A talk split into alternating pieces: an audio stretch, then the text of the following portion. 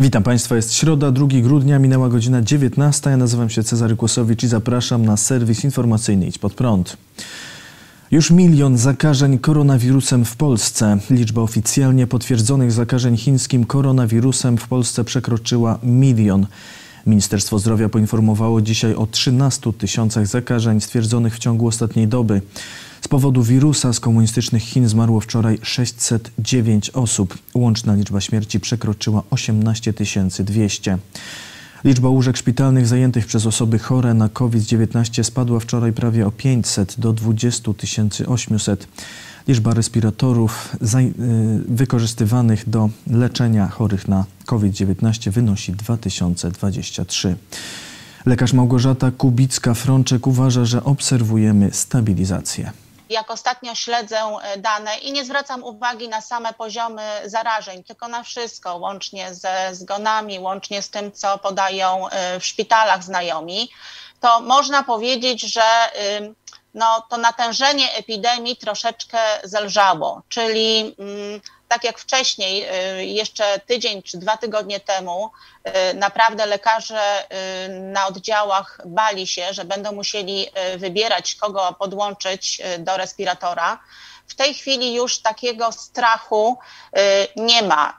Jest wystarczająca liczba respiratorów. Powiedziałabym tak, jesteśmy na pewnym szczycie i się trzymamy, tak jak, taka chwiejna troszeczkę stabilizacja, czyli to jest pewien plus, pewnie wynikający z tego y, zamknięcia szkół i zamknięcia wielu miejsc, gdzie mogło dochodzić do y, takich bliskich i częstych kontaktów y, między ludźmi.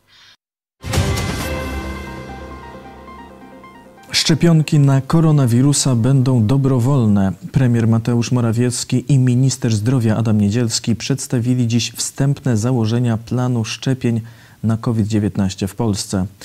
Zapewnili, że szczepienia będą dobrowolne i finansowane z budżetu. Do szczepień będzie się można zarejestrować przez formularz online lub osobiście. Szczepionka ma być podawana w dwóch dawkach w odstępie 21 dni. Szczepienia mają odbywać się w szpitalach tymczasowych, w przychodniach i innych placówkach medycznych, a także w mobilnych punktach szczepień piątek rząd ma opublikować wstępny, dokładny program prowadzenia szczepień, który zostanie poddany konsultacjom. Ostateczna wersja planu ma zostać przyjęta w połowie grudnia. Koszt całego programu szczepień ma wynieść od 5 do 10 miliardów złotych. Rząd prognozuje, że za, zaszczepi się około 60% Polaków. Dziś Wielka Brytania jako pierwszy kraj dopuściła już do użycia szczepionkę firmy Pfizer i BioNTech. Szczepienia mogą się zacząć w Wielkiej Brytanii od przyszłego tygodnia. Producent twierdzi, że skuteczność szczepionki to ponad 95%. Policja przeprasza za postępowanie podczas Marszu Niepodległości. Komenda Stołeczna Policji zamieściła na Twitterze komunikat. Ważne jest przyznanie się do błędów, które zostały potwierdzone w wyniku przeprowadzonych czynności kontrolnych. Przepraszamy za sytuacje, które były niepotrzebne to przypadki użycia pałek służbowych oraz granatu hukowego wobec dziennikarzy na PKP Warszawa Stadion. Rzecznik Komendy Stołecznej Policji nadkomisarz Sylwester Marczak przekazał przeprosiny także Polskiej Agencji Prasowej. Zapewnił, że czynności realizowane przez Wydział Kontroli zakończyły się skierowaniem wniosków do właściwych przełożonych w sprawach osobowych. Poruszył też sprawę interwencji policyjnych podczas manifestacji organizowanych przez ogólnopolski strajk kobiet. Niezależne postępowania prowadzone są w przypadku działań podejmowanych z udziałem posłów, jak również przełamania legitymacji poselskiej czy zdarzenia sprzed Sejmu z udziałem wicemarszałka. W tych samych przypadkach czynności zostały przejęte przez Biuro Kontroli Komendy Głównej Policji, powiedział rzecznik. Tajne dane żołnierzy wyciekły z polskiego szpitala. Portal Onet otrzymał dane osobowe ponad 600 żołnierzy i pracowników armii z kilkunastu krajów, którzy leczyli się w polskim szpitalu w Iraku. Placówka była prowadzona przez pierwszy wojskowy szpital polowy w Bydgoszczy. Stamtąd wydostała się dokumentacja zawierająca dane ponad 300 Polaków, ponad 100 Irakijczyków i 90 Amerykanów oraz żołnierzy i pracowników z Litwy, Łotwy, Bułgarii, Rumunii, Węgier, Słowacji, Indii, Tajlandii, Nepalu, Mongolii, Armenii, Salwadoru i Syrii. Na liście znajdują się dane wysokich oficerów, a także funkcjonariuszy służb specjalnych. W przypadku niektórych oprócz danych osobowych podane są też dane medyczne. Listę przekazała portalowi osoba podająca się za pracownika szpitala. W załączonym liście stwierdziła, że dokumenty znalazły się poza terenem jednostki w okolicy osiedlowych śmietników. Osoba, która wysłała dokumenty, miała się też dowiedzieć od pracowników remontujących jeden z wojskowych budynków, że mają oni nieograniczony dostęp do tej dokumentacji znajdującej się w piwnicach szpitala. Sprawa miała być zgłaszana do władz szpitala, jednak bez reakcji. Rzeczniczka szpitala poinformowała natomiast, że dokumenty zostały skradzione. Zawiadomienie o podejrzeniu popełnienia przestępstwa zostało złożone w żandarmerii wojskowej i SKW. Podobna przesyłka z dokumentami trafiła również do Gazety Wyborczej. Były w niej historie chorób polskich żołnierzy oraz irackiego cywila. Gazeta opisywała sprawę 20 listopada.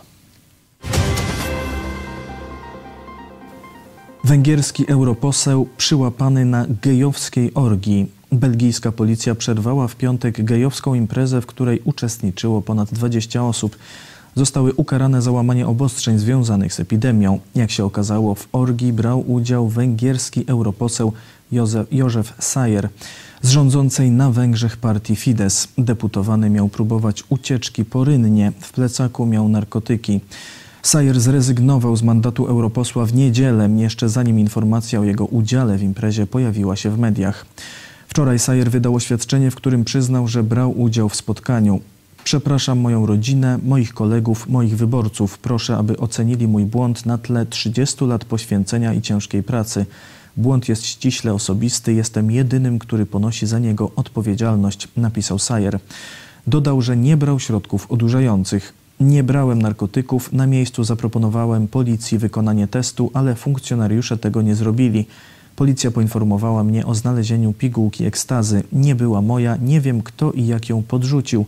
Złożyłem w tej sprawie oświadczenie na policji. Przykro mi, że złamałem zasady dotyczące zgromadzeń.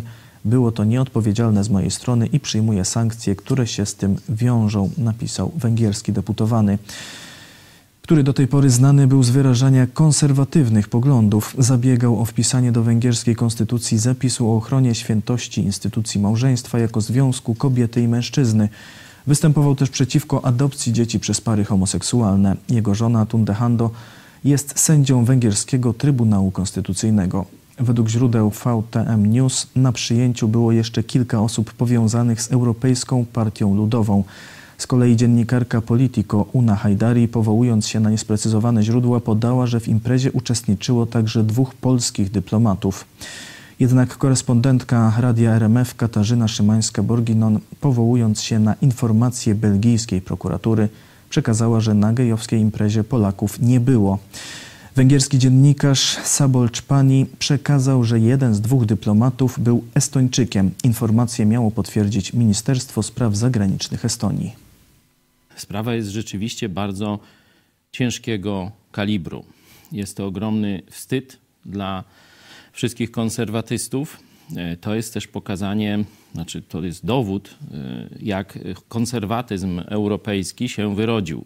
Kluczowe jest, że ten człowiek dał podwaliny konstytucji, e, można powiedzieć, tych zmianom konserwatywnym w konstytucji. Nie? Czyli to nie jest jakiś konserwatysta węgierski, to można powiedzieć, że jest taki główny konserwatysta. Jakbyście wzięli sobie Nowy Testament, otworzyli list do Rzymian, to zaraz na początku znajdziecie tam właśnie przesłanie do ludzi religijnych, do faryzeuszy religijnych, którzy e, wyrządzają największe szkody. Najgorsi to są właśnie ci, którzy mówią, nie kradnij, mówią, nie cudzołóż, czyli nie grzesz seksualnie, a w rzeczywistości to robią. I teraz wcześniej czy później to wyjdzie na jaw. I co się dzieje? Apostoł Paweł mówi: Z waszej winy poganie bluźnią Bogu. To właśnie z ich powodu ludzie odwracają się od Boga. Bo teraz ludzie patrząc z boku, nie wchodząc, nie czytając Biblii, nie chodząc specjalnie do kościoła, gdzieś na obrzeżu cywilizacji, jak ty przyjdziesz do nich z Biblią albo powiesz, że jesteś chrześcijaninem, to on, to on powie: wypad obłudniku, bo on już nie będzie niuansował, że ten jest dobry, a ten jest zły. W wyniku grzechów tych ludzi, tych wysokich hierarchów katolickich, wysokich polityków, wysokiego szczebla polityków katolickich, przeciętny człowiek będzie się odwracał od Boga. To będzie skutek, zresztą zapowiedziany w Piśmie Świętym. I to jest najsmutniejsze w tej sytuacji. Izba Reprezentantów Holandii przyjęła uchwałę zobowiązującą rząd holenderski do postawienia Polski przed Trybunałem Sprawiedliwości pod zarzutem łamania praworządności. Za przyjęciem ustawy było 124 ze 150 holenderskich deputowanych. W uchwale zapisano, w Polsce istnieje ingerencja polityczna w mianowanie sędziów. Izba Dyscyplinarna Sądu Najwyższego wciąż działa i uchyla sędziom immunitety, choć jej działanie powinno całkowicie zamrozić zabezpieczenie Unijnego Trybunału Sprawiedliwości z kwietnia 2020 roku. Istnieje poważne zagrożenie dla rządów prawa w Polsce. W dokumencie pojawiło się także stwierdzenie, że naruszanie praworządności w Polsce stanowi zagrożenie dla całej Unii Europejskiej. W uchwale zamieszczono apel do innych państw europejskich, by dołączyły do Holandii w stanowisku na temat Polski. Przyjęcie uchwały oznacza, że rząd Holandii jest zobowiązany do złożenia oficjalnej skargi przeciw Polsce do Trybunału Sprawiedliwości. Wiceminister Sprawiedliwości Polski Sebastian Kaleta powiedział, że nasz kraj nie da się zastraszyć. Jeśli inne państwa zdecydowałyby się na spór prawny z Polską, to my mamy wiele argumentów. Możemy pokazać, że wybór sędziów w Niemczech czy Hiszpanii jest w ewidentny sposób upolityczniony. Możemy pokazać, że to same Niderlandy mają poważny problem ze stosowaniem się do prawa europejskiego w zakresie europejskiego nakazu aresztowania, powiedział Kaleta. Donald Trump zaskarżył wyniki wyborów w Wisconsin. Sztab prezydenta Stanów Zjednoczonych złożył wczoraj pozew wyborczy kwestionujący oficjalne rezultaty wyborów w stanie Wisconsin. W poniedziałek władze stanowe certyfikowały wygraną Joe Bidena w tym stanie. Sztab Trumpa domaga się odrzucenia ponad 200 tysięcy głosów i wycofania certyfikacji wygranej Bidena. Według oficjalnych wyników Biden wygrał w Wisconsin różnicą ponad 20 tysięcy głosów. W pozwie złożonym w stanowym Sądzie Najwyższym opisano nieprawidłowości. W Wisconsin według prawa, aby głosować korespondencyjnie, trzeba było złożyć pisemny wniosek przed głosowaniem. Według sztabu Trumpa ta procedura nie była przestrzegana. Ponadto sztab Trumpa uważa, że wiele osób skorzystało z opcji głosowania, w której nie wymagano okazania dowodu tożsamości, chociaż nie spełniały kryteriów. Prawnicy Trumpa wskazują też, że na wielu kopertach z głosami korespondencyjnymi brakowało wymaganego adresu wyborcy lub świadka, a uzupełniali je potem urzędnicy w komisjach wyborczych. Według sztabu obecnego prezydenta jest to nielegalne i takie głosy powinny być nieważne.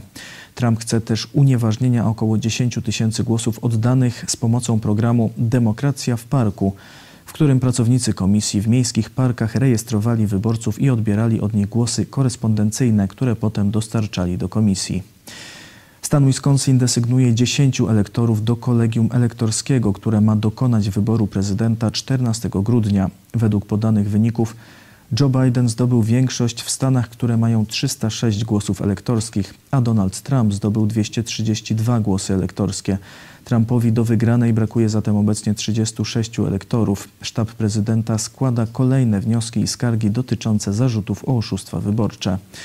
W Georgii, która ma 16 głosów elektorskich, po ponownym przeliczeniu znaleziono tysiące niepoliczonych wcześniej głosów, w większości oddanych na Donalda Trumpa ale nie wystarczyło to, by odwrócić wygraną Bidena w tym stanie. Na wniosek sztabu Trumpa w tym stanie trwa kolejne przeliczenie głosów. Prokurator generalny USA William Barr powiedział wczoraj, że do tej pory nie stwierdzono oszustw na skalę, która mogłaby spowodować zmianę wyniku wyborów. Powiedział też, że Departament Sprawiedliwości nie odnotował niczego, co potwierdziłoby, iż maszyny wyborcze zaprogramowano tak, by fałszowały wynik wyborów. Komuniści chińscy grożą śmiercią lekarzom, którzy walczyli z pierwszą falą epidemii. Japońska agencja informacyjna Kyodo podaje, że władze komunistycznych Chin zakazały lekarzom, którzy mieli do czynienia z pierwszymi przypadkami zakażeń nowym koronawirusem, opowiadania o swoich doświadczeniach. Według informatorów agencji lekarze usłyszeli od urzędników groźby kar, jeśli będą opowiadali, co działo się na początku roku w mieście Wuhan, gdzie stwierdzono pierwsze zakażenia. Pierwsze takie groźby pojawiły się już w sierpniu, gdy Komunistyczna Partia Chin zaczęła ogłaszać, że Chiny pokonały koronawirusa. Jeden z lekarzy z Wuhan ujawnił, że urzędnicy zagrozili mu, że jeśli będzie opowiadał o sytuacji w mieście na początku roku, zostanie oskarżony o szpiegostwo i może usłyszeć nawet wyrok śmierci. Informatorzy podają także, że instytucje akademickie w Wuhan, które prowadziły statystyki pierwszych zakażeń i zgonów z powodu koronawirusa, otrzymały zakaz kontynuowania prac.